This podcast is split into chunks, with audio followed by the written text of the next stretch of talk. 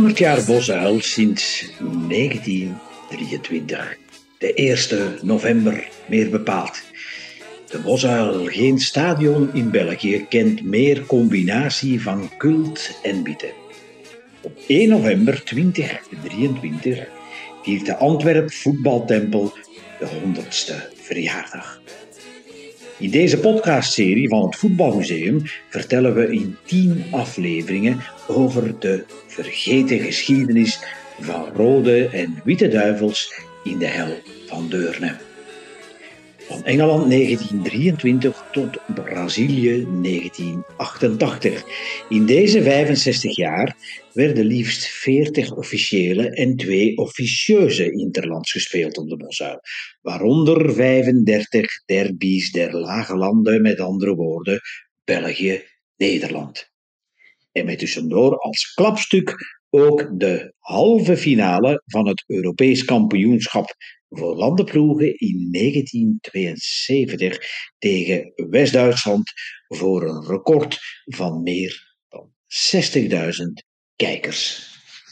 Welkom bij het Voetbalmuseum, een podcastserie van schrijver Raf Willems. In onze reeks 100 jaar Bosuil op 1 november 2023 vertellen we u over de vergeten geschiedenis van rode en witte duivels in de hel van Deurne. Van Engeland 1923 tot Brazilië 1988. Vandaag behandelen we de laatste aflevering, nummer 10, en die gaat over de wedstrijd België-Brazilië 1-2 eindstand op 12 oktober 1988. Precies 11 jaar en 7 maanden na de vorige, dat was België-Nederland in 1977 in maart dus, stond eindelijk nog eens een interland op de Bosuil geprogrammeerd. Was dit een geschenkje van de Belgische Voetbalbond? Enigszins onduidelijk waarom, alleszins.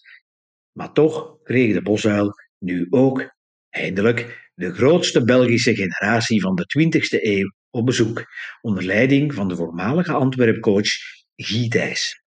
Met zeven Mexicaanse wereldbekerhelden van 1986 waar de Rode Duivels pas in de halve finale werden uitgeschakeld door Maradona's Argentinië. Ik som ze even voor u op.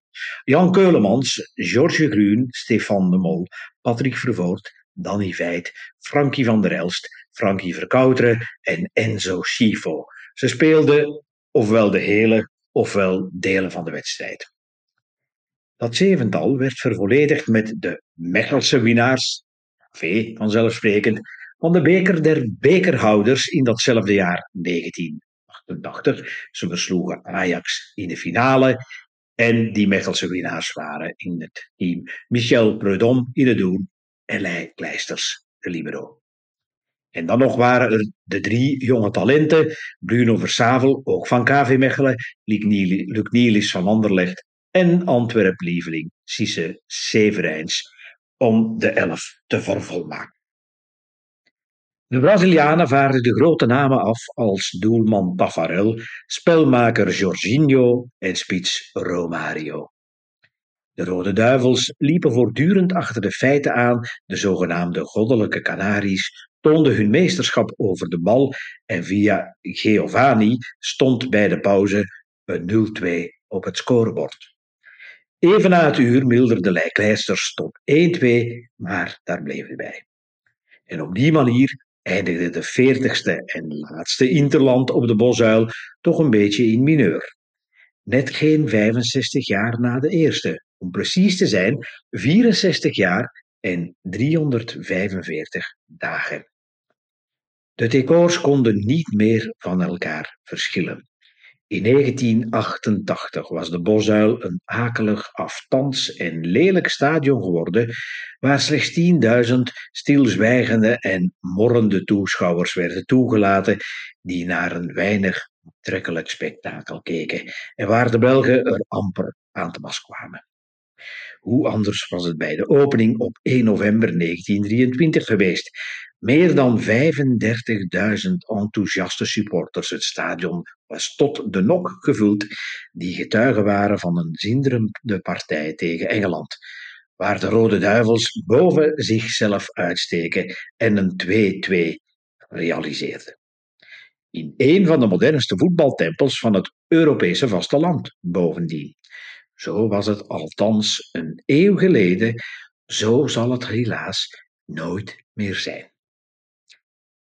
U luisterde naar de podcastserie 100 jaar Bosuil, de vergeten geschiedenis van rode en witte duivels in de hel van Deurne, van Engeland 1923 tot Brazilië 1988.